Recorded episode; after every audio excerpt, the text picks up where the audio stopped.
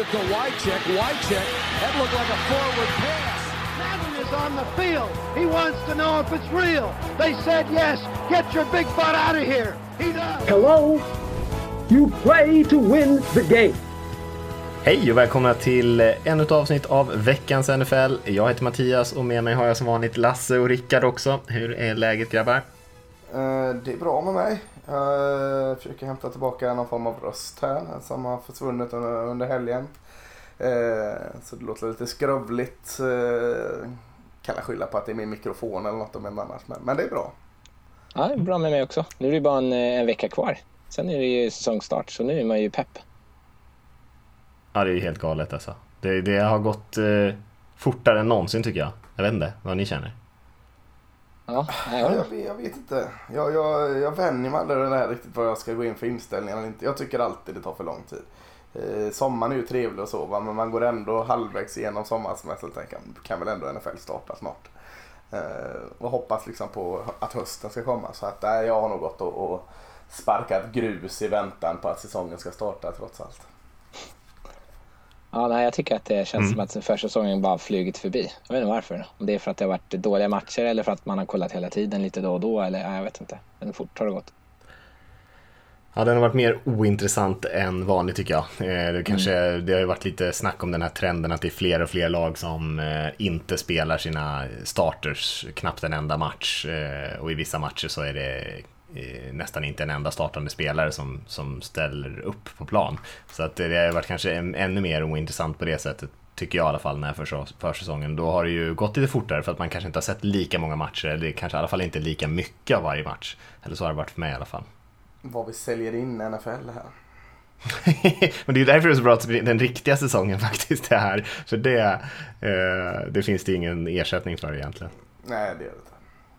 Vi kan börja med en liten, eh, en liten infopunkt här. Vi, ni som eh, lyssnar på flera av våra andra poddar också. Vi har ju en dokumentärpodd, vi har ju Veckans College med dig Lasse och Magnus. Och så har vi ju den nya Veckans Fantasy. Har ju säkert märkt att eh, vi ligger på lite olika Eh, platser så där man kan lyssna på podden och det är för att vi håller på och byter plattform egentligen. Vi behöver inte gå in mer på det.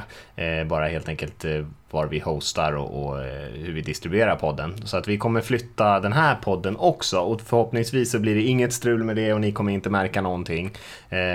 Men gör ni det så vet ni att det är för att vi håller på att flytta lite grann och det är för att få in det på Spotify och lite andra sådana här ställen, få lite eh, få lite mer flexibilitet helt enkelt på, vi kan se hur många som lyssnar och såna här saker som vi inte har haft eh, så superbra koll på tidigare.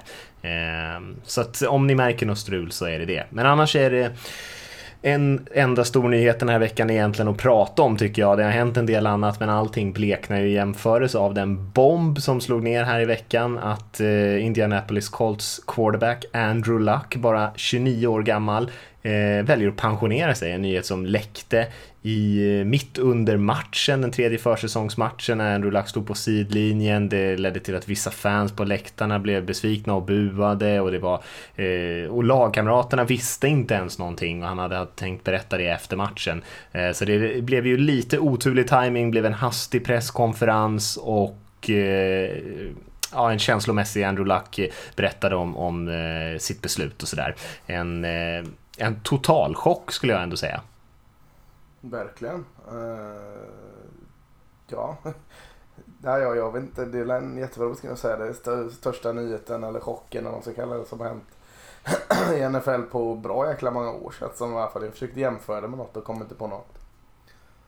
Nej, det var, Nej. Jag, var, Nej, jag håller med. jag vaknade på morgonen och öppnade min Twitter. Så det första jag såg, nu kommer jag inte ihåg vem det var, men det var någon, eh, någon sån här från känd NFL-SE, eh, Twitter, någon som alltid skriver, någon svensk kille som så här, åh, när Sverige vaknar till den här nyheten. Jag bara, vad fan är det som har hänt nu då? Och så började jag rulla igenom så överallt bara, ah, Andrew Luck, Andrew Luck, Andrew Luck. Och så bara, ah, oj, jäklar vad tråkigt. Ja, Ja. ja. det var ja, jäkla konstigt. Jag, jag, ska ju vara på, på ett eh, bröllop i helgen och så eh, var det väl jag och en till som var intresserad av NFL. Och så kom vi tillbaka sent på natten och öppnade telefonerna och båda sa så här, det var jävla tur att vi inte såg detta på bröllopet. Då hade vi bara dratt musiken och så här, nu går vi hem, nu har ändå lagt slutat, nu är bröllopet över. Så, äh, så stort var det. Stä, ställ in bröllop, Andrew Luck har slutat. ja, om man kan säga någonting om anledningarna där, det blir ju framförallt som, eh, som han pratar om där eh, i efterhand kanske mer logiskt än, eh, än vad, eh, en, vad vi hade, ingen hade ju tänkt på det innan att det här skulle kunna hända, men i efterhand så kanske det fanns en del tecken där ändå. Han har haft en hel del skador, Andrew Luck, ända egentligen sedan han började i NFL och det har blivit värre och värre de senaste säsongerna där han haft uh, olika typer av skador. Vi pratade om det när vi pratade om Colts förra veckan, eh, om att det fortfarande var lite frågetecken kring hans hälsa och det verkar väl som att den skadan då troligtvis var, var allvarligare än eh, vad eh, Colts hade berättat utåt åtminstone och han har ju pratat om tidigare hur nere och deprimerad han har varit när han har gått igenom den här perioden av att ha, leva med smärta varje dag egentligen och bara gå från rehab till eh, till rehab till rehab i, egentligen i flera år som han har dragits med olika typer av skador. Så det var väl egentligen det. Han har, har ju mycket andra intressen, han är en ganska speciell person, Andrew Luck, intressant på många sätt. Eh, har ju sin egen bokklubb och gillar ju att resa, har ju mycket kopplingar till Europa bland annat. Eh, och känner väl att han inte vill ja, kasta bort sitt liv egentligen med att må så dåligt som han har gjort den senaste tiden och han hade tydligen när han hade sin tidigare allvarliga skada eh, lovat sig själv att om han eh, någonsin hamnar i en sån situation igen eh, när han går in eh, på väg in i en sån period som, som var så jobbig så, så skulle han eh, inte tillåta sig själv att göra det helt enkelt. Nej, det är väldigt svårt liksom för oss att, att sätta oss in i en sån grej här. Jag vet inte vad man kan jämföra det med ett vanligt arbetsliv eller inte huruvida det kallas att gå in i väggen eller något annat sånt. Det är, det är jag alldeles för dålig på för att liksom lista ut men eh, jag känns som ett väldigt moget beslut från, från en mogen människa. Vad säger ni att oddsen är att han hamnar i XFL där hans pappa är commissioner? Oj! noll, noll procent chans. Kommer de på. Måste han vara QB? Kan han vara så här uh, offensiv koordinator? Eller, ja, det skulle han kunna vara. Ja, ja det, kan, det kan jag se kanske i och för sig. Ja. Domare. Ganska, ganska rolig domare. Ja, kanske det. Jag tror inte han kommer spela. Det var ju också många som började spekulera i om han eh, kan komma tillbaka om något år och sånt där. Och jag har svårt att se det också ärligt talat. Det känns som en sån person som att han har bestämt sig, eh, så han inte bara bestämt sig hipp som happ utan han funderar på det en del och, och eh, känns inte som att han skulle komma tillbaka. Eh, men det är klart att kroppen kanske mår bättre om något år och då är han ju fortfarande strax över 30 och man ska ju säga att han när han spelar och har varit frisk så har han ju varit en av de bästa spelarna i NFL. Så det är därför det är också så oerhört tråkigt Eh, att hans karriär blir så här kort. Han var ju, många såg ju honom som liksom en solklar Hall of Famer i framtiden och sådär. Och något sånt kommer det ju inte bli nu när eh, karriären tog slut så här i förtid. Vilket är trist såklart. Det blev, blev ju mycket eh, vad som kunde ha varit av hans karriär. Eh, men som tyvärr inte blev så jätte, jättemycket. Eh, även fast han imponerade i perioder. Ja, verkligen. Men vad, säger säger att han inte skulle komma tillbaka egentligen då? Säg att han eh, går nu två säsonger och kroppen mår skitbra och, och han känner bara fan vad jag saknar att spela amerikansk fotboll. Eh, det är väl ingen sån här prestigeförlust att vilja komma tillbaka till fotbollen. Känns han inte som, precis som Mattias sa, en, som en kille som kommer ha liksom andra aktiviteter? Att hans liv tar liksom inte slut för att han inte längre fyller det med fotboll utan han kommer ha massa andra åtaganden som gör att han liksom kommer vara sysselsatt. Ja, kanske. XFL-domare. Precis. Ja, kanske. Ja, jag vet inte. Nej, trist tycker jag i alla fall som, som, eh, att vi tappar honom som bra fotbollsspelare som också är väldigt rolig att titta på tycker jag. Men eh, kanske rätt beslut för honom ändå. Om man ska säga någonting om Coltson då, vi pratade om dem förra veckan. Nu får väl Jacoby Brissett ta över eh, backup-kuben där som faktiskt Brock spelat ganska bra. Ja, det, de försöker ju hitta en backup till sin backup nu. Ja. Eh, men Brissett är väl liksom den solklara favoriten att ta över. Jag, jag tycker han är helt okej okay, Brissett. Han kan säkert göra ett ganska bra jobb. Men vad, ser, har Colts någon chans ens att nå slutspel, utmana om ännu mer än så? Vad, vad ser ni deras potential nu? Chansen att nå slutspel har de eh, Jag menar, de, vi pratade om den divisionen förra veckan och sa att det var en ganska öppen affär. Så att eh, det är klart att chanserna är absolut inte lika stora längre. Jag hade dem som favoriter i alla fall. Kommer inte ihåg om någon av er hade det. Men, eh, favorit att vinna den divisionen tycker jag inte de är längre. Och, och chanserna blir betydligt eh, mindre. Men eh, chansen har de. Ja, alltså både eh, Texans och Jaguars skulle jag säga är bättre just nu. Mm. Men jag, Ja, som, jag är nog som du säger, det kan ju gå hur som helst. Titans där också. Ja, jag har inget förtroende för Mariota. Nej du, fan jag skulle, skulle inte locka in dig i Mariota alltså, men eh, nej men alltså eh, två förluster upp eller, eller två vinster, två förluster upp eller ner i den divisionen kan göra jättemycket så att eh, chans har de eh, från att vara goda till att vara eh, små tror jag ungefär så är det. Ja, nej, för mig så blev divisionen mer öppen av det här ändå. För jag hade Colts som ändå så ganska tydliga favoriter i divisionen Mm. och nu eh, så är, skulle jag nog säga att nästan alla lag har lika stor chans att vinna den. Till och med Titans oavsett vad Rickard tycker om Mariota där. Eh, Brissett är ju inte bättre än Mariota. Eh, ja, så det, det finns ju inga super-QBs i den här divisionen överhuvudtaget förutom Watson kanske i Texans som är, som är eh, bra. Men eh, de andra tre är ju minst sagt tveksamma allihopa. Stannar vi den divisionen där så är det, nu bleknar ju den nyheten i jämförelse, det gör ju allt med en. Men eh, Houston Texans eh, hände mycket där också. Eh, de försöker trada bort Jadivion Clowney. Eh, de tradade bort eh, runningbacken Freeman.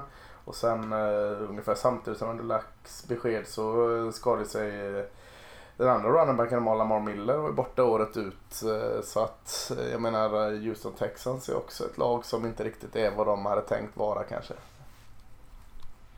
Ja, verkligen. Verkligen. Ja, ingenting Ja. att tillägga. Nej, ja, men jag tror ändå att de är tydliga favoriter. Alltså, jag tror att de har räknat med att de inte ska ha Clowny, att de inte ens har någon som plan inför, eh, inför säsongen. Det finns. Tycker de är tydliga favoriter ändå alltså? Är de så bra? Är Texans så bra verkligen?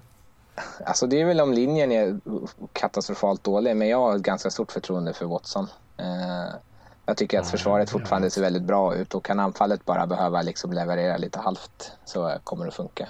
Sen tror jag att Duke Johnson kommer vara bättre än vad man... Eh, Jag tänkte ju säga det, den traden som många fnös åt ganska mycket. Vad fick de ge ett val i andra rundan för den eller? Tredje tror jag. tredje tror ja, jag. tredje. Den känns inte så jävla dum längre. Alltså, visst att de gav mig, då kanske det var dumt. Men med facit i hand där så eh, de hade fått nog ge upp betydligt mycket mer i det här läget utan Lamar Miller och eh, Freeman eh, eller Foreman. eh, de satt så här nära säsongen och behövde en running back av den kalibern.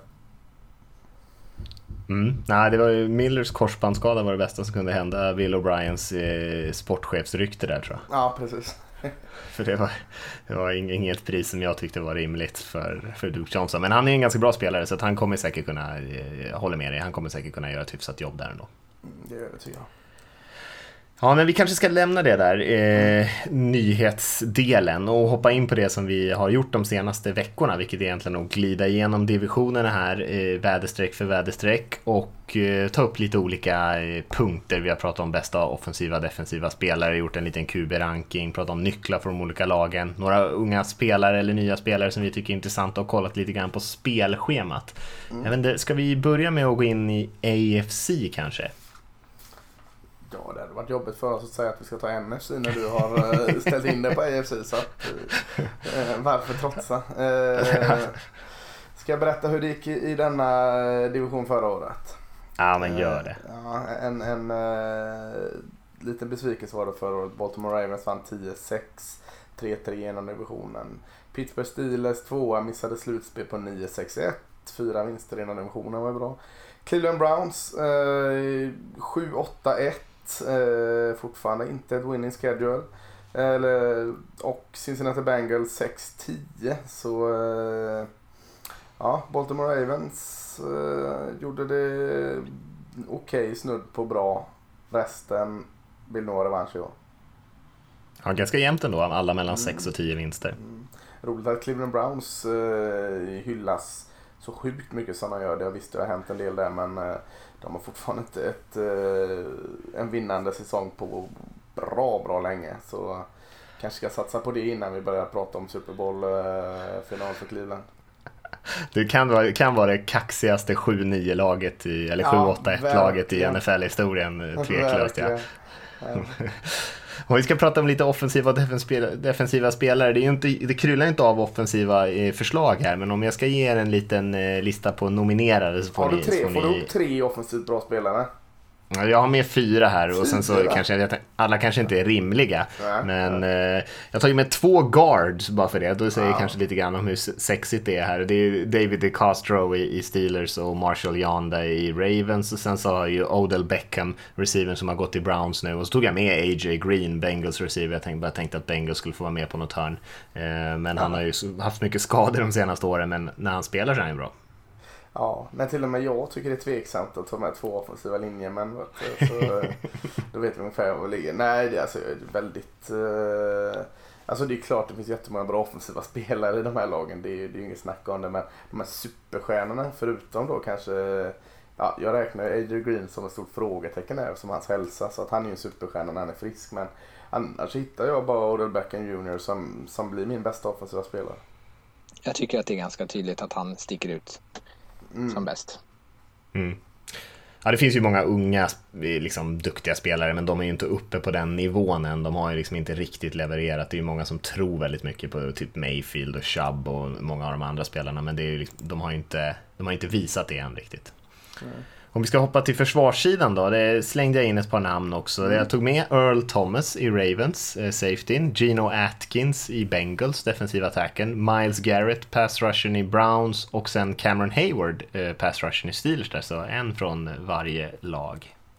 Ja, Rickard får börja. Alltså, jag svårt. Ja, jag skulle ju säga att Miles Garrett är bäst. Om jag skulle, om jag skulle bygga ett lag och välja en spelare av de fyra så tar jag Miles Garrett. Han tycker jag är fenomenal. Mm, nej, jag är med dig. Jag eh, kan nog hålla honom jämnt med de andra men också att eh, han har framtiden för sig. Det ska inte vara en, med, något man flikar in här men, men så tänkte jag lite så jag också ringa till Miles Garrett. Ja, om ni lägger upp det på det sättet, absolut. Nej, det ska vi inte göra. Det var ju... Gino Atkins och Thomas till exempel är ju lite, Nej, lite det var ju dumt. äldre. Det ska vi inte Eh, göra såklart. Men eh, det är undermedvetet så tänker jag så. Ja, nej men, eh, nej men jag kan köpa Garrett, i alla fall inför den här säsongen. Så, eh, så hoppas man i alla fall på att han ska få den där riktiga, riktiga breakout-året. Eh, För han har ju varit Men- bra, men han har ju inte varit topp liksom, Nej. fem på sin position de senaste åren. Eller den tiden han har spelat i alla fall. Men köper du det eller, eller är du med på han eller vill du ta ut någon annan? Du får säga Thomas om du vill. Mm. Nej, men jag kan, jag kan köpa Garrett inför 19. Ja. Ja, men då har vi två Browns eh, där. Man förstår att de är kaxiga. Ja, QB-ranking har vi ju också kört här. Är det Browns eh, nummer uno här med eller? Nej, Nej, jag, nej, tror jag skulle inte våga det vara riktigt ett. Nej. Nej, Andrew Dalton är faktiskt där. Nej. Vem var det? Är det Ben Roethlisberger fortfarande som är på tronen? Ja, motvilligt, Ja. men ja. Ja. Sen måste det vara Baker Mayfield va? ja. Ja. Här är det intressant. Nej. Tar, ni, tar, ni, tar du Lamar Jackson, Rickard? Ja, utan tvekan. det? Ja, för fan. Utan tvekan. Jag, Nej, jag tar inte det. Jag tar Dalton Nej, jag före. tar också Dalton Va? för det. Nej, förskräckligt. Tveklöst. Eh, Men du kan inte köra inte- grej här nu igen att om du hade valt ett lag och eh, vilken QB skulle du ta då för att gå framåt? Då kanske jag hade tagit Lamar Jackson. Men just nu är fan Andy Dalton bättre. Knappt alltså. Nej. Nej. Andy Dalton eller Marcus Mariota då? Oh, den är tuff. Andy Dalton. Nu är det de tuffa frågorna. ja, då väljer jag nog Andy Dalton ändå. Och så kan jag göra det ännu jobbigare. Var inte du ganska sned på Ryan Finley när vi pratade draft?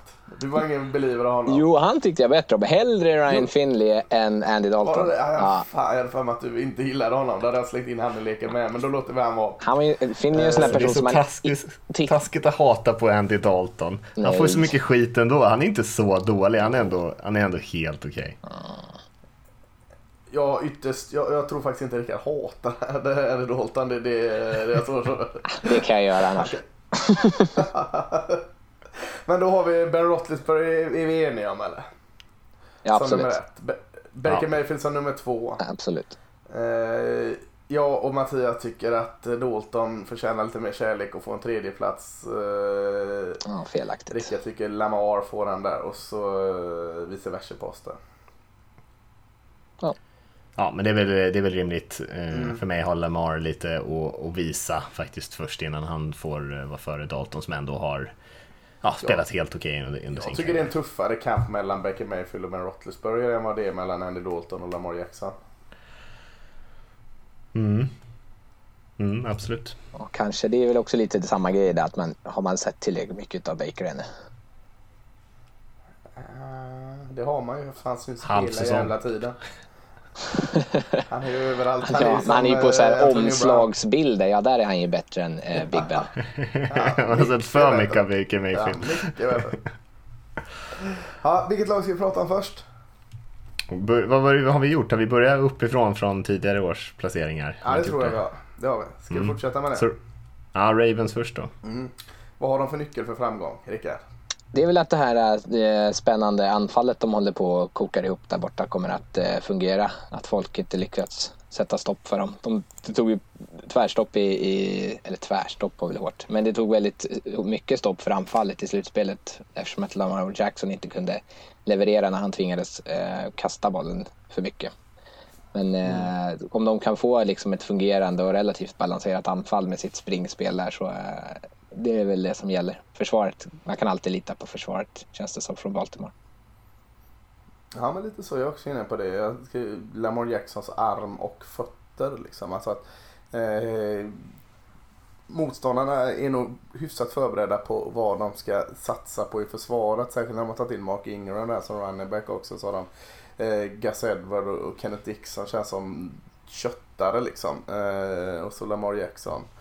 Eh, skulle han kunna överraska med att slipa lite på sin arm och eh, passa ut lite mer så eh, ja, de har ju här nya unga Hollywood Brown där också som snabb jäkel som man kan tjutta iväg på. Så ja, jag är nog inne på det också. Offensiven får vara någon form av nyckel där.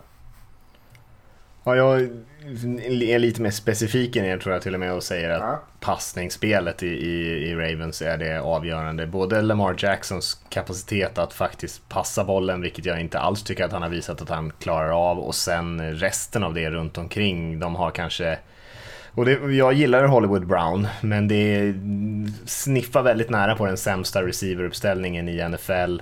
Eh, man har ju mycket förhoppningar på Mark Andrews och sin tight end att han ska kunna ta ett steg men i övrigt liksom Willie Sneed, eh, Seth Roberts, man har tagit in en liten fly på Michael Floyd och så hoppas man att Hollywood Brown ska komma in och spela bra direkt som rookie receiver och det är inte sådär jättevanligt att de gör det faktiskt från, från start. Så det är ju både en, en ganska kass grupp som man har att passa till och en ganska tveksam eh, Kube när det gäller just passningsspelet. Han kanske har utvecklats väldigt mycket och det hoppas man ju på såklart. Men det kommer inte gå att bara springa bollen tror jag, hur kreativ man än är. Så eh, det är väl lite det att man ska kunna i alla fall lyckas passa bollen hyfsat. Eh, så kan man säkert springa desto mer, men, eh, men, men ett eh, fungerande passningsspel måste man ändå ha. Vad tror du om Earl Thomas eh, i Ravens tröja? Är det jobbigt för dig? Nej, det är inte det ändå. Jag, tycker, jag brukar inte tycka sådana här saker är så jobbiga. Jag är ju lite mer sådär... äh, Ja, nej, men jag uppskattar det som han gjorde i Seahawks och jag, jag har alltid varit en av mina apps. Men det, det är ju lite... Det är lite hans grej också att vara lite sån där. Men eh, han är ja, en av mina absoluta favoritspelare. Eh, så att det kommer inte vara så jobbigt att se honom där. Jag tror att han kommer spela bra däremot. Sen om han eh, spelar bra mot Seahawks kanske inte så kul. Men eh, jag tror att han kommer göra bra ifrån sig. Ja, det tror jag också. Eh, schemat, eh, vad ska man säga om det? Känns ganska eh, blandat. Alltså man har eh, Chiefs borta vecka 3, Steelers borta vecka 5. Sen har du Earl Thomas får åka upp till Seattle vecka 7 och spela. Eh, följt av New England hemma vecka 8. Så det är lite så här varannan vecka. Det är inte, det är inte så jäkla tung, eh, tufft schema. Men eh, avsluta mot Cleveland Browns borta och Pittsburgh Steelers hemma. Och det känns väl som de två matcherna då kommer bli avgörande eh, säkerligen. Eh, ja, så jag vet inte vad jag ska ställa mig jag tycker om schemat här. Det är ett okej schema ändå. Ja, varken svårt eller lätt skulle jag påstå. Nej, mitten någonstans. Ja. Uh, Pittsburgh Steelers. Nyckeln där, Mattias, är att...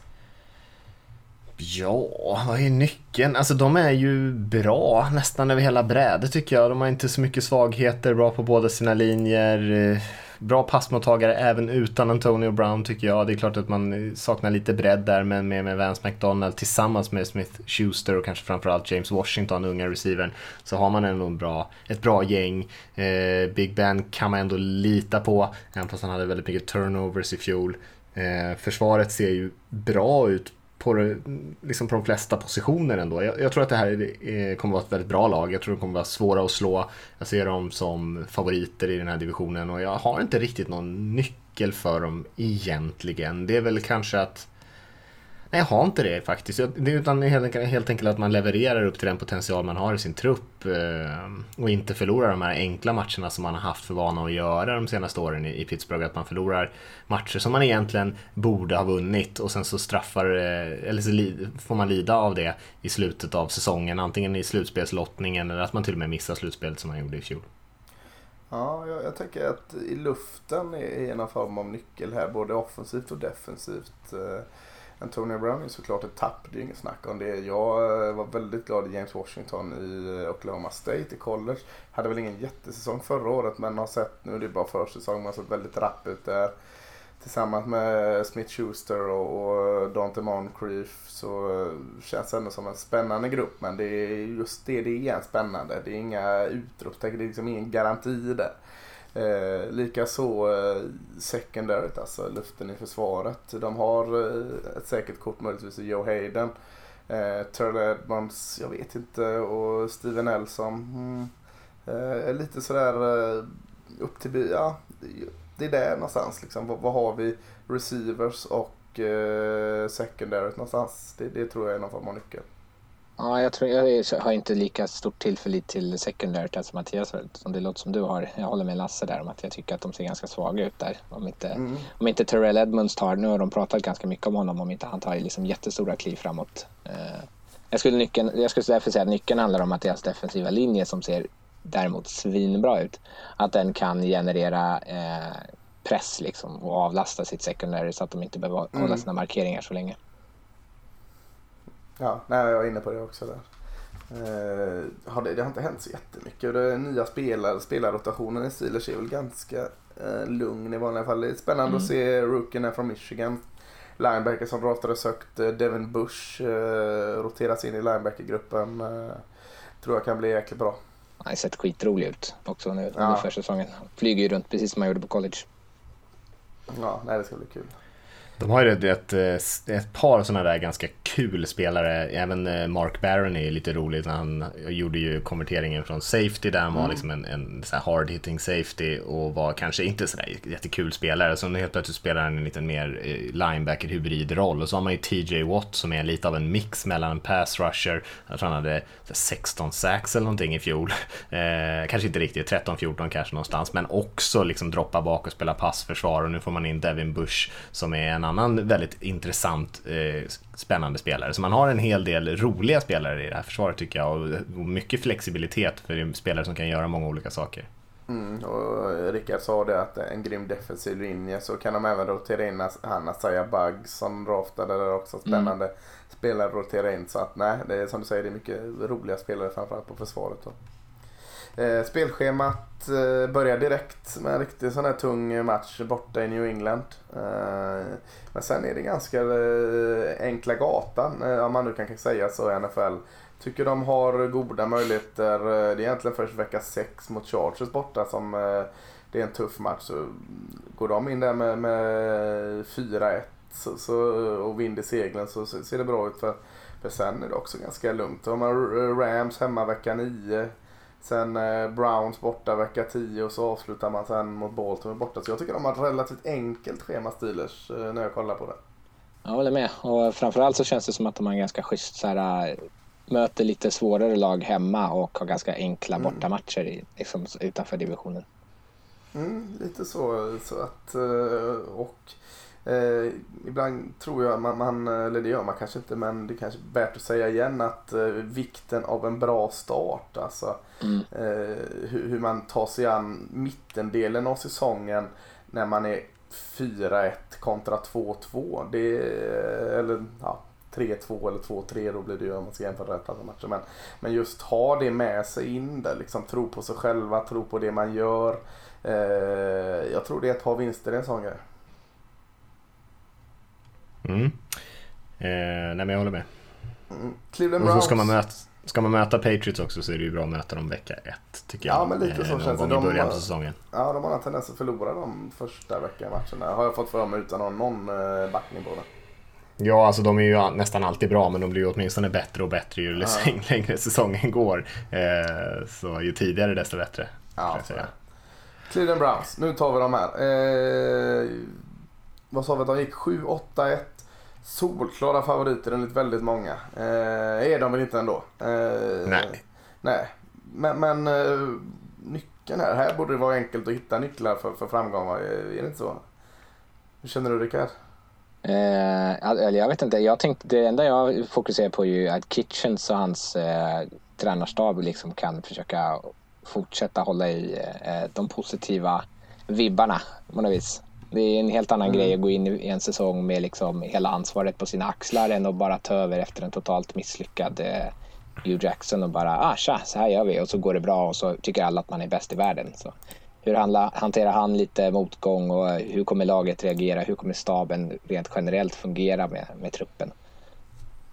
Ja, alltså, jag är också med det där. Alltså, hur, hur, tar, hur tar man sig an det här med att, att eh, vara lite hypad helt plötsligt i Cleveland? Liksom, vad, händer, vad händer om dem då? Om vi pratar om att uh, Steelers börjar 4 Vad händer om Browns börjar, uh, säg 2-3? Uh, är det, det är ju inte så dåligt, men, men med den här hypen så kanske man har tänkt att ja, men vi ska gå in och så ska vi bara vara 4-0 och så ska det vara dansa sig fram. Liksom. Det, det gör man inte bara så. Så att, eh, känns fortfarande också som det är väldigt mycket nytt i Browns. Eh, alltså, spelmässigt kanske det inte är överdrivet många nya spelare men bara under de tre senaste åren så är det ju liksom en, känns som en helt ny 53-mannatrupp. Liksom. Ska fortsätta få ihop det här klistret liksom. Eh, nu är man ändå en bit in på den här resan och jag tror ju Browns är bättre än vad de var förra året. Men frågan är hur, hur eh, liksom, om de kan få ihop och prestera bättre. Mm.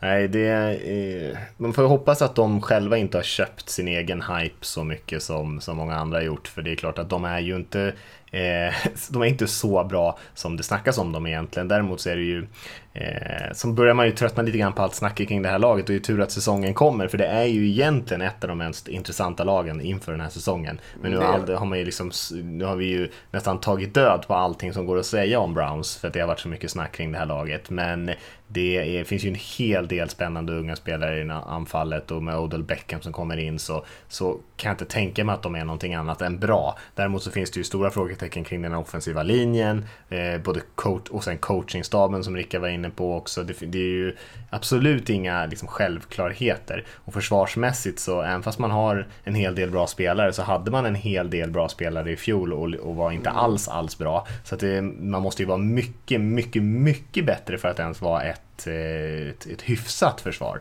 än vad man var i fjol. Eh, och det hänger ju ofta, eller hänger ju ganska mycket på att de värvningarna man har gjort med Olivier Vernon och Greedy Williams som man draftade och en del andra spelare kan ändå komma in och, och bidra. Eh, för annars kommer man inte vara så pass mycket bättre. Eh, men frågan är om, om man har förväntningarna att de ska gå runt eh, runt 9-10 vinster sådär, ja men då tycker jag det är en ganska rimlig förväntning med den truppen man har. Men om man tror att de bara ska, som du sa, dansa till slutspel, ja, då, då lär man bli besviken tror jag. För så bra, eh, då är det mycket som ska klicka. Och det är ju inte alls en självklarhet. Nej, nej. Man får ju lite sådana här Eh. dream team-vibbar från eh, eh, Philadelphia Eagles när de signade massa free agents och bara tänkte att nu Mm. har vi plockat på de bästa spelarna i hela ligan, nu kommer vi ju krossa allihopa och så, så fall det. Och det var ju samma grej, de var ju as-hypade själva och tyckte att de var störst och starkast och bäst och sen så, sen så sket det sig när säsongen väl kom igång. Ja, och då kändes det ändå som att Eagles hade på pappret betydligt bättre lag än vad, Ja. vad Browns har på pappret nu. Och, men, men jag håller med dig, det är exakt samma grej liksom. Och, och, eh, ja, det ska bli spännande att se hur de hanterar det. Det ska ju bli spännande att kolla på Browns så det kan ju ingen säga Mm. någonting Nej, om. Även att man är trött på dem just nu så kommer det vara en av de där matcherna jag zappar in. Eh, kolla vad, vad, hur, blir det här nu med Browns? Det det fan, man går ju på hyper. Det är ju hypat av en anledning. Jag, jag kommer kolla Browns. Det kommer bli spännande. Ja, Eh, kanske inte vecka ett. De, de börjar eh, relativt behaglig start mot Titans hemma. Mot eh, Marcus Mariota där. Det ska kanske det försvaret klara av då Rickard. eller? Det tycker jag. Ja. Sen är det lurig jäkla vecka två. New York Jets äh, ligger kanske lite i bakluckan på den här hypen men de har vänt om ganska mycket där också och det är i New York. Eh, kan vara en lurig sån här eh, match. Eh, det kanske Cleveland går in som favorit och det är inte bara att hämta den. Vecka 3 Rams hemma, vecka 4 Ravens borta, vecka 7 New England borta. Alltså de kan börja, jag kan fan säga att de börjar 1-6 säsongen och då är det ju kört liksom. Eh, avslutar eh, väl relativt mycket, eller betydligt enklare då eftersom de har ganska framtungt. De har Pittsburgh hemma vecka 10 och sen har de dem borta igen vecka 12 där men ja, det är upp till bevis ganska tidigt och det hade kanske känts lite bättre om de här hade fått köra in sig lite mer och haft några av de här lite tuffare matcherna i slutet av säsongen när de eh, kan varandra lite bättre. Mm. Nej visst, det är inga givna matcher. De, de flesta matcherna är ju tuffa i NFL, men jag mm. håller med om den där starten som du sa på säsongen där. Det är ju, alltså jag tror inte Titans är en enkel match heller och Jets som du sa där, det är inte alls en självklarhet att man tar de här matcherna. Så att eh, det gäller ju att man inte tror att man bara ska gå rätt över de här lagen, för det, det kommer man inte att göra. Nej. Eh, sista laget i divisionen eh, har väl inte mycket hype kring sig just nu. Det är Cincinnati Bengals, det andra Ohio-laget här. Eh, Mattias, eh, har du någon nyckel här? Eh, är det Andy Daltons fenomenala spel i fickan som är nyckeln eller? Uh, nej, alltså nyckel, jag, jag, tror att det är ganska kört för Bengals i år, mm. tyvärr. Det, man vill inte säga så, för det är så extremt tråkigt. De, de, har många duktiga spelare, men de har också väldigt många eh, hål i sin trupp. Och eh, som sagt, man saknar A.J. Green nu som fortfarande är skadad, vet inte riktigt hur länge han kommer vara borta.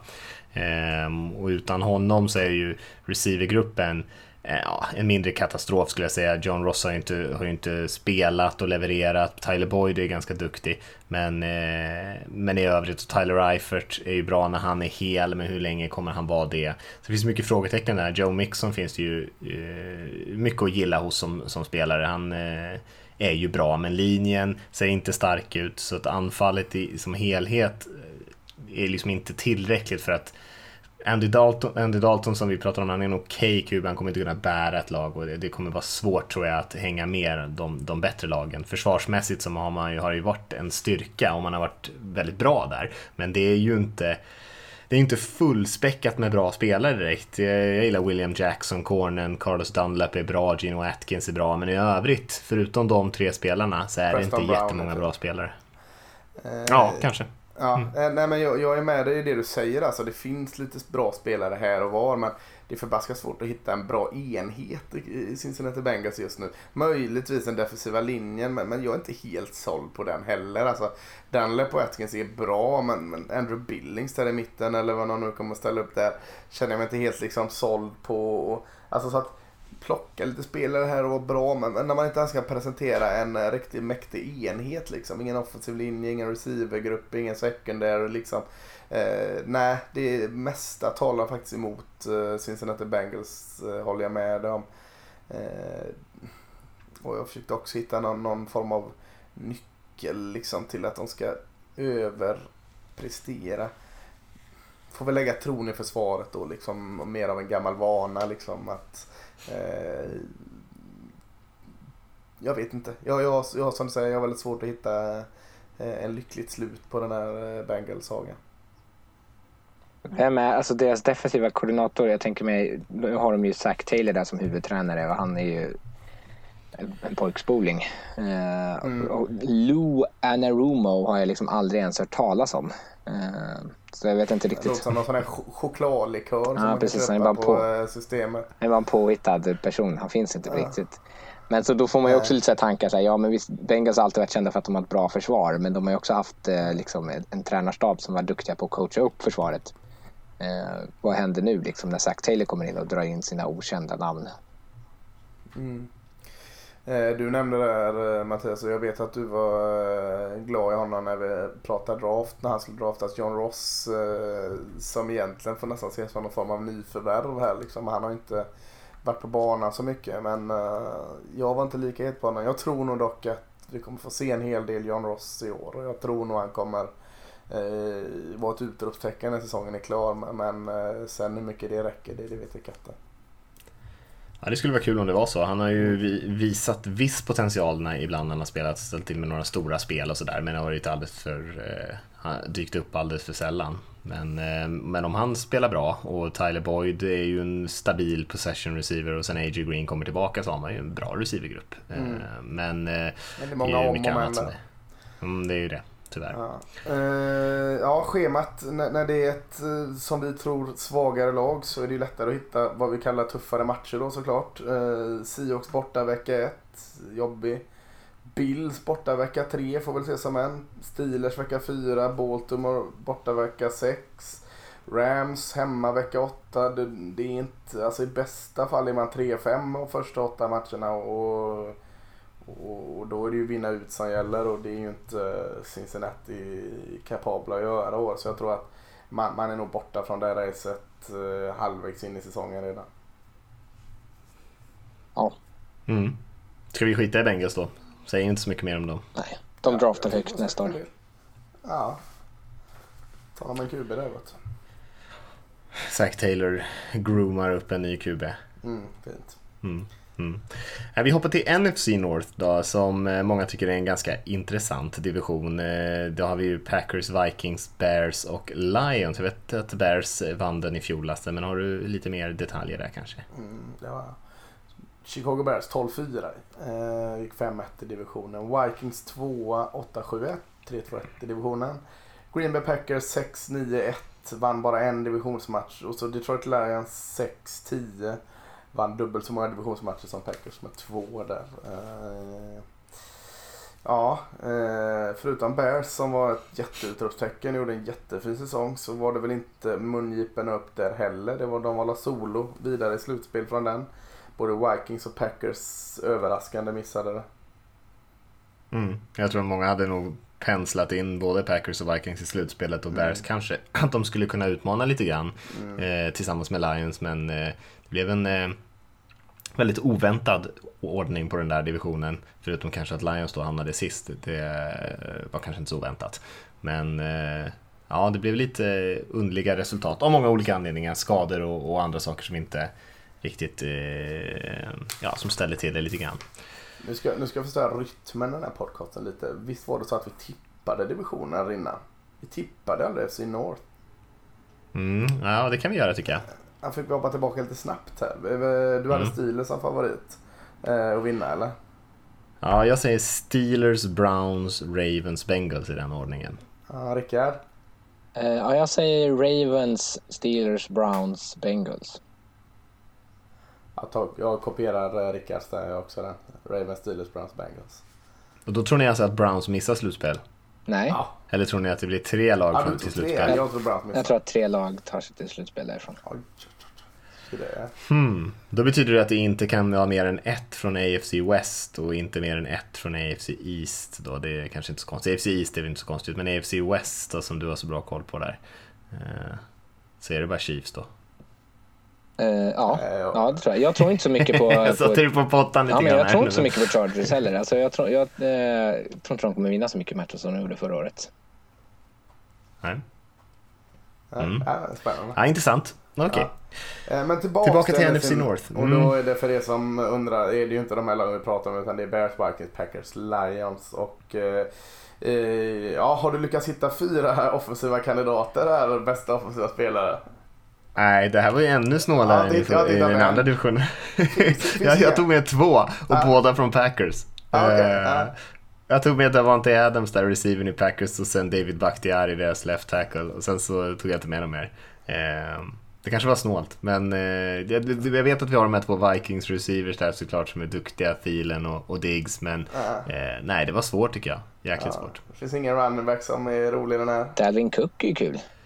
Dalvin Cook. Ja, men han är liksom, kan inte vara med på sån här lista. Det är samma som Carrion Johnson eller Tariq Cohen. Det är liksom duktiga spelare alla de, men det är ju inte, de kan inte liksom, ja, kanske inte riktigt eh, värdiga att bli utnämnda till bästa offensiva spelaren i divisionen någon av dem. Nej, det kanske är rätt. Det är väldigt blåser snålt med offensiva stjärnspelare i NFC North om man inte är en QB. Mm. Uh, ja. Nej, vad sa du? Jag, jag, jag vet inte. Jag sa, jag sa Devante Adams och Bakhtiari som mina två. eh, Kan jag, säga, säga, kan jag säga samma spelare, bästa offensiva och bästa defensiva spelare eller? Vem, vem, är din, vem, vem skulle det vara? Ja, Khalil Mack kommer se till att det blir mer poäng på tavlan än de andra där. Att han kommer eh, forsa turnover så de andra kan gå innan. Vissa går han in själv. Alltså, så att eh, jag sätter Khalil Mack som både bästa offensiva och defensiva. Jag kan inte sätta någon på offensiva. Jag tycker inte det finns några bra. Ja, nej, jag, Jag, kanske ger den till bara Jag, jag tycker han är störig. Annars hade jag Ja. satt eh, en offensiva linjeman såklart. Men han är bra, det är mig personligt. Nej men jag, jag tar nog Packers left tackle där ändå. Det är Bakhtiari där. Ja, Ja, försvaret har vi ju varit inne på. Khalil Mack är ju den kanske solklara vinnaren där, men det finns ju duktiga spelare. Vikings har ju fyra stycken riktigt duktiga spelare som vi kan i alla fall nämna vid namn tycker jag. Everson Griffin, eh, defensive enden och Daniel Hunter, pass rushen. Harrison Smith, safetyn, är ju en av NFLs kanske tre bästa safeties i alla fall. Och sen Xavier Rhodes också, eh, eller Xavier Rhodes också, eh, cornern, är ju också en duktig spelare fast han inte var riktigt lika vass i fjol. Men Khalil Mack är ju kanske den, det tydligaste valet där. Ja, ja såklart. Vi går vidare QB-rankingen där då. Eh, Får man väl ändå säga att Aaron Rodgers ska vara nummer ett. Är det kontroversiellt? absolut. Nej. Kör. Och sen skulle jag kanske säga Matthew Stafford i Lions som två. Ja, det är en mindre kon- Nej, jag tycker den är solklar. Ja, det är inga konstigheter. Kirk Cousins som tre och Trubisky som fyra. Ja, Absolut Ja. inga konstigheter med det. Så Ja är men det ju. titta, Ja, det är ju så. ja, Ja men det är nog så faktiskt. Det är kanske Ja. inte så mycket att snacka om. nej. Eh, Ska vi gå, hoppa in i något lag då? I så fall blir det ju, om vi ska köra samma modell så blir det ju Bears vi ska börja med. Det tycker jag vi ska göra. Vad, eh, vad ska man kolla? Vad ska man tänka på? Hur ska man göra, Rickard? Eh, jag vet inte, alltså jag har inte så stort förtroende för Mitch Trubisky så det handlar väl om att lag inte har lyckats eh, förstå vad Matt Nagy vill göra i anfallet. Att han kan fortfarande sitta och rita upp spel som gör att de kan vinna. Sen vet jag inte om försvaret, för jag vet inte heller ifall försvaret kommer vara lika bra som det var förra året. Jag har ju ett stort förtroende för Vic Fangio som de släppte nu, eller som de släppte, som de tappade för att han är huvudtränare i Broncos. Eh, så där finns det väl Chuck Pagano in där som DC, gamla Colts eh, huvudtränare. Jo, han, jag, jag, jag tycker ändå att han är en helt okej defensiv eh, tränare. Ja. Men eh, det kommer ju se lite annorlunda ut. Han är väl lite mer blitzglad eh, glad och lite sådär. Så, Mm. Jag vet inte riktigt. Jag tror att anfall kommer behöva leverera mer eller, fort, eller spela väldigt bra. Och det, det kan de inte lägga hand, händerna på Trubisky. Nej. Chicago Bears är ju ett av de lagen skulle jag ändå säga som är populärast att eh, säga att de ska liksom gå tillbaka den här säsongen och inte vinna lika många matcher som i fjol just för att de hade ett väldigt enkelt spelschema Ja. förra säsongen. De eh, mötte ett gäng backup QBs, skadade quarterbacks och hade en väldigt tur med den, med den typen av lottning och dessutom hade man en absurd mängd turnovers i sitt försvar som helt enkelt inte, de kommer inte kunna upprepa det. Eh, ja, man ska inte säga att det inte går, men det, det är väldigt, väldigt sällan att man ser att det upprepar sig från år till år, utan det är lite slumpaktigt om man lyckas producera så mycket turnovers. Så det gjorde ju att man eh, drog ifrån och vann väldigt mycket matcher just för att man lyckades ta vara på de möjligheterna. Det kommer inte vara så i år, utan det kommer vara kämpigare. Man kan fortfarande vinna 12 matcher såklart, men, eh, men allt kommer inte liksom gå ens väg på samma sätt. Och just därför så är det ju populärt att, att kritisera dem lite. Jag tror på det här försvaret, jag tror det kommer vara bra. Det kommer självklart inte Eh, var lika bra som i fjol. Eh, eller självklart, jag tror inte det. Och anfallet håller jag helt med Rickard. Det finns eh, en hel del bra spelare där, men mycket kommer ju kretsa kring Trubisky om han kan ta det där steget och, och, och bli bättre. Och han har ju inte visat sådär jättetydligt, i alla fall inte snabb utveckling. Han har ju blivit bättre, men det har gått ganska långsamt. Så att där är väl mycket av det det hänger på är väl att han kan spela bättre. Mm, nej, jag tycker ni har sagt allt vettigt att säga. Spännande att se den här uh, running back, uh, hur de kommer köra det. De släppte, vad, vad heter han nu i... Uh, Jordan Howard. Ja, just det. För att de skulle köra lite mer uh, rotation på running backsen här. De har ju draftade David Montgomery, tog Mike Davis, Terry Cohen. Spännande att se hur de tänker där och hur det kommer utveckla sig för att uh, kan det bli ett vapen så har man i alla fall ett vapen i offensiven. Jag har inte heller sålt på Trubisky. Defensiven behöver inte säga mer om. Så eh, nej, eh, det ska bli spännande att se. Mm, Så- Montgomery är ju en sån här riktigt sån här offensiv rookie of the year-kandidat får man säga, för han lär få ganska mycket speltid. Mike Mm. Davis som man tog in från Seahawks är ju, jag tycker han är en ganska bra spelare, gjorde Ja, ja. mycket bra jobb för Seahawks, men han är ju verkligen en rotations, han kommer Ja. in som en hammare liksom och, och köttar lite grann, men han är ju absolut inte någon som, som bär springspelet, utan jag tror man Nej. tänker att Montgomery ska få Ja, en men stor... Cohen är ju bra också, Terry Cohen. Alltså, så att, Mm. eh, om man nu Mm. vill kalla han eh, köttare vet jag inte. Men, men, eh, nej, men en spännande trio liksom, som de kan rotera med där. Mm. Spelschemat eh, sa att det var enkelt förra året eh, på grund av skador och annat. Känns ganska liksom behagligt även i år tycker jag. Hittar inget jätte, jättetufft fram till möjligtvis New Orleans Saints hemma vecka 6. Eh, hade du något Ja, jag, jag skulle vilja påstå att jag för mig att jag läste att de har det svåraste schemat eh, sett till Ja, record förra året. ja. Har också sett Från enklaste till svåraste, kan det ha varit så? Jag tror att det är Ja, men jag har så. också sett det någonstans men jag, jag ser det inte riktigt. Jag, jag, alltså vi kan, eh, kan stanna upp här lite då och, och eh, ska jag bara få fram det lite Men det är nog för att de rullar igenom AFC West där, där både eh, Chiefs och Chargers plockade upp en del vinster. Ja, men Packers hemma börjar de med. Ja, inte så tufft liksom. eh, Mycket nytta kommer till dem. Broncos borta sen. Redskins borta sen. Vikings hemma. Oakland Raiders hemma. Saints hemma. Chargers hemma.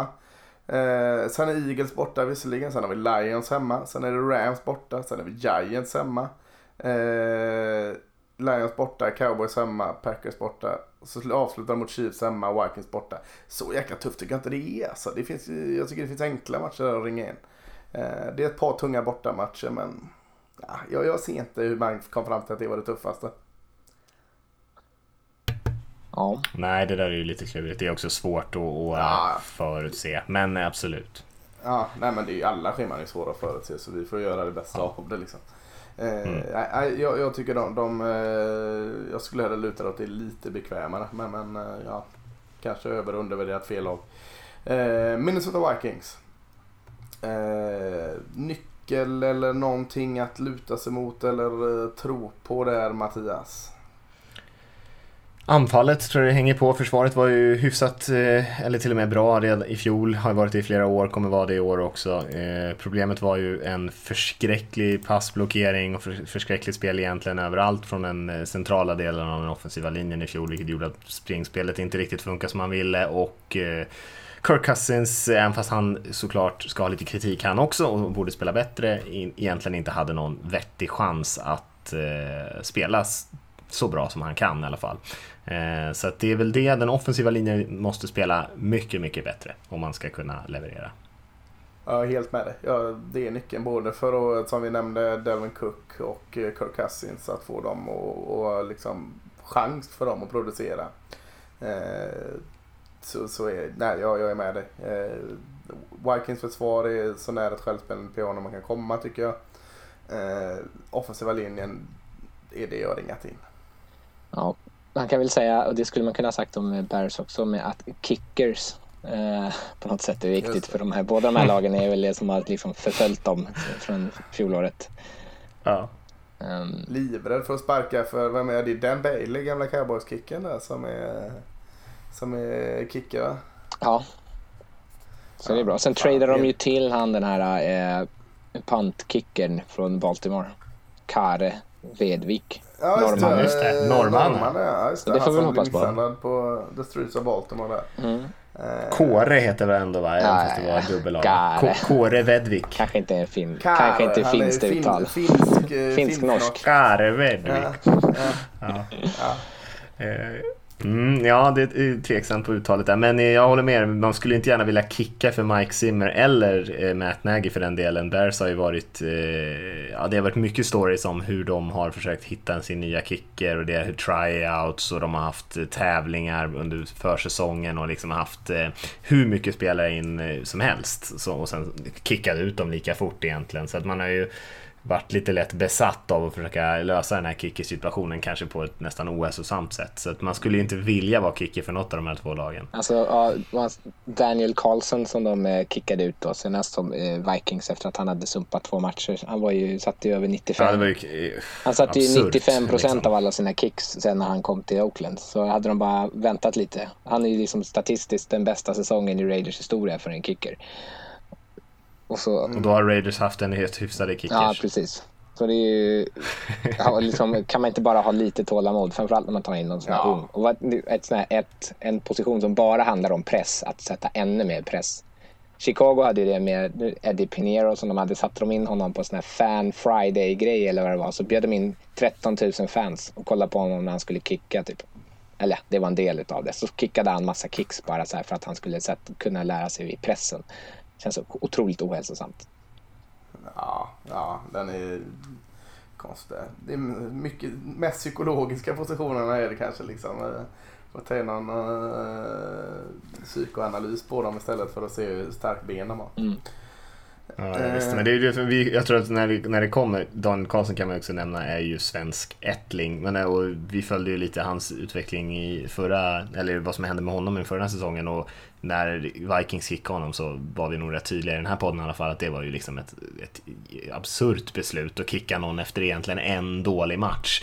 Eh, det är klart att det var en, en katastrofmatch men, men så kort tålamod kan man ju faktiskt inte ha. I så fall ska man ju eh, ja, då kan, behöver man inte ta in spelarna från första början om man ska ge dem så lite marginal. För det är klart att det kan ju hända vad som helst på en sån match. Eh, en eller två matcher. Så man måste ha lite mer tålamod och det är ju bara väldigt kul tycker jag. Fantastiskt roligt att han sen var helt fantastiskt bra för Raiders eh, och att eh, Vikings fick äta upp det faktiskt. Det tycker jag de är värda med tanke på hur de skötte den situationen. Körde båda ni kicka kickers med flit här eller? Nej, men det, det är lätt hänt. Ja, ja, det är jag som är göteborgare. Det är jag som ska komma med riktigt dåliga ordvitsar. Vi försöker bryta, bryta de här fördomarna. Ja, tack för det. det uppskattat. Uh, Green Bay Packers. Uh, jag tänkte att uh, hitta någon ny form av identitet i försvaret kan bli viktigt. Uh, med ny coach och allt detta som ska in eh, har roterat lite där och eh, ganska tydligt att man var långt ifrån nöjda med säsongen som var eh, med all rätt. Så att eh, eh, kanske hitta lite hur man ska, hur man ska eh, försvara fotboll igen liksom. Det, det känner jag ändrat om. Där släppte han head and shoulder-gubben med långa håret, Matthews och, och någon form av omstart där. Eh, sen tror jag inte de är där än. Jag kollar på försvaret så ser det inte allt för jäkla mäktigt ut. Men eh, ett par pusselbitar och unga spelare. Så, så det får bli min nyckel, försvaret. Ja. Mm, ja, försvaret är ju ett eh, problem som jag ser det just nu mm. i alla fall. Mm. Eh, man har några bra spelare men det är alldeles för få. An anfallsmässigt tycker jag det ska bli väldigt intressant att se vad de kan göra. De hade ju stora problem i, i fjol och det var ju nästan eh, smärtsamt att se eh, Aaron Rodgers leda ett så eh, ineffektivt anfall. Det har ju varit liksom en självklarhet att det skulle varit bra bara för att han, han har varit där egentligen tidigare i år men man hade egentligen inga vettiga receivers eh, ut, utöver Adams och eh, ingen som var på rätt plats och eh, stora problem överhuvudtaget. Eh, man, eh, ska bli kul om man kan få lite ordning på det nu. Det har ju varit ganska mycket positivt snack kring Marcus Valdes Scantling Eh, den unga receivern som man har där. Eh, och sen är Adams är ju såklart bra. Och sen har man ju tagit in Jimmy Graham och, och hoppas på att det även han och, och Lewis med sin veteran liksom pressen ska kunna ja, vara på rätt plats åtminstone. Sen är, är, ska vi se, ska bli kul att se om man springer bollen lite mer också. Aaron Jones var ju den spelare faktiskt i NFL som snittade mest yards per försök i springspelet uh, förra säsongen men ändå sprang Green Bay tror jag minst av alla lag i NFL. Så mm. att uh, det, det lär bli lite mer springspel i alla fall med Matt LaFleur som kommer in här nu. Måste det bli. Mm. Det här laget kommer ju bara så långt tänker jag mig som Aaron Rodgers kan bära dem. Truppen runt omkring är ju lite för svag. Ja, Den offensiva ja, linjen ser bra ut visserligen tycker jag. Men eh, annars känns det tveksamt. Nej. Skulle man blunda för Rodgers och liksom bara eh, inte veta att det, de sprang runt i Green Bay Packers tröjor så, så skulle det här vara en av de, ett av de sämre lagen i ja. NFL. Ja, jag tänkte också så faktiskt. Man har någon sån här respekt för att det är Green Bay Packers. Eh, och man har med all rätt respekt för Aaron Rodgers. Men eh, som du säger, det är väldigt mycket hål. Du sa att receivergruppen förra året var inte så mycket att ha förutom Devonte Adams. Är receivergruppen så jäkla mycket att ha i år förutom Devonte Adams? Du nämnde Valdes, vad heter han, Scantling där. Än så länge är han inte så mycket att ha. Möjligt att han blir ja, jag, jag, ser, jag är med dig där så att man, eh, den ser inte så jäkla fräck ut den här truppen. Nej, jag tror det kan bli svettigt för, för Packers att ta sig tillbaka fort i alla fall. Ehm, men det är klart, man borde vinna mer än sex matcher, men eh, det kan bli lite svettigt. Ja, verkligen. Eh, ja, eh, börjar mot Bears borta. Eh, tufft såklart. Sen eh, känns det ganska bra. Eagles hemma vecka fyra. Dallas borta vecka fem. lite halvtuffa matcher. Chiefs borta följt av eh, Chargers borta.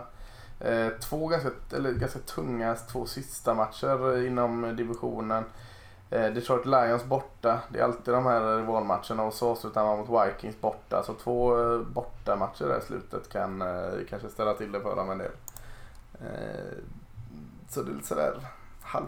Alltså okej okay, mitt, mittenschema på något sätt men, men det känns ändå som att det Packers som nu är kommer få tufft med även ett eh, 14 tuffaste schemat i NFL.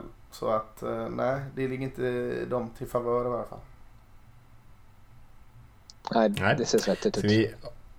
Mm. Ja, ska vi hoppa till det sista laget i divisionen då, Detroit Lions som eh, ja, har eh, i alla fall många år prenumererat på den här fjärde platsen i divisionen men Eh, inte alltid varit dåliga såklart, men man hade ju lite förhoppningar på att det skulle bli en ny start med Matt Patricia som kom in eh, från Patriots.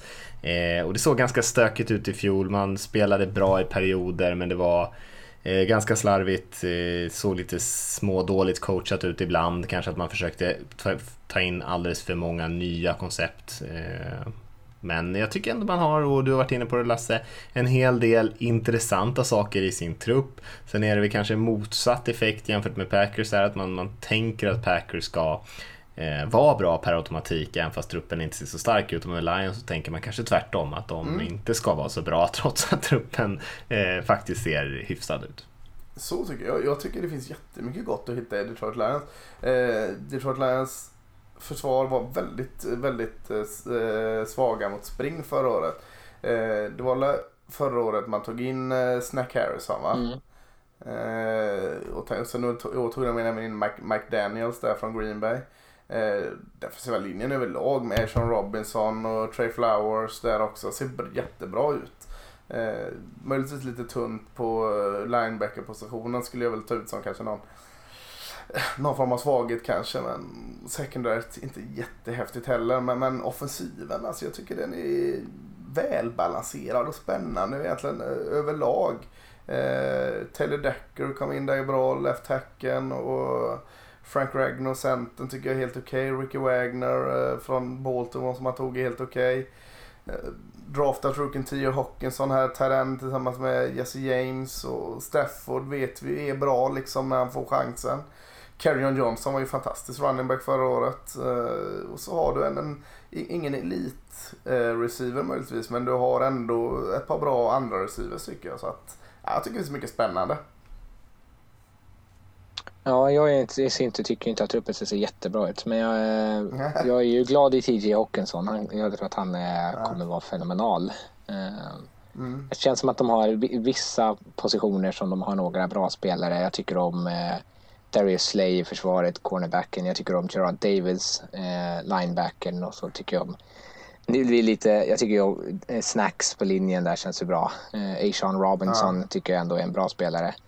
Men det känns nästan som att det är så mycket luckor runt omkring det. Att jag, det känns som att de har svårt att kunna eh, utmana av den anledningen. Ja, ja, ja, mm. det, jag, det är någonting med Lions år. Och så har jag eh, någon dum tro kring Matt Patricia. Jag, jag, tror det kanske finns något av honom ändå. Jag har pendlat lite vad jag tycker om honom upp och ner eh, under det här året han har varit och inför det här året. Men jag har nog bestämt mig lite för att jag ska vara på det tråget där ett tag till. Jag ska, jag ska tro lite på Matt Patricia. Mm. Ja, jag är lite kanske mittemellan er och Jag tycker att det finns mycket bra i truppen men eh, ser också ett par frågetecken. Jag, tycker om att, eh, eller jag håller med om att defensiva linjen tycker jag ser riktigt tung ut, riktigt stark ut. Mm. Eh, och man har ganska bra skillspelare och dessutom i, i offensiven. Det som jag är lite frågetecken kring kanske i lagets secondary kanske, man har inga Eh, inga jättebra eh, safeties egentligen tycker jag och cornerback-positionen ser också rätt svag ut. Man har ju... Slay är ju bra som Rickard säger. Slay, Slay är ju bra. Ja. Slay är ju bra men man måste ju troligtvis ha tre bra corners i alla fall i NFL nu för tiden. Och man har mm. tagit in Justin Coleman men han är ju mer av en nickelspelare, kan spela skott kanske. Bör kanske inte sätta honom på utsidan. Jalen Tabor var en katastrof i fjol.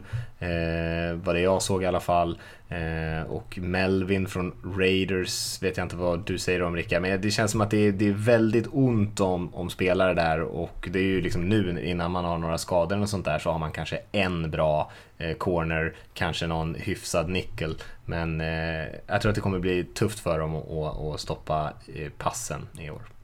Ja, möjligt. Nej, det kan ligga något i det. Jag, jag har inte sett så mycket av dem. Ja. Har någon sett hur äh, Amani Uruwariye, eller hur man nu uttalar hans namn, har sett ut? Om han har spelat under första säsongen så mycket?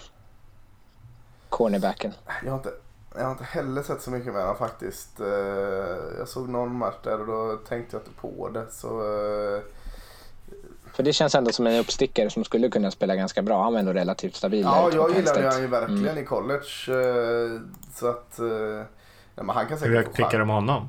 Eh, den tog väl han eh, Femte ganska rundan tror jag. Alltså det var så pass lågt? Ja, jag kollar. Ja, det var ett bra val. Så Penn State var det va? Ja. Eh, ja, nej, han var en av mina favoritcorners så att eh, det är sant. Jag har lite glömt honom. Eh, han kan nog få speltid direkt vilket är väldigt kul och jag kan nog ta vara på det.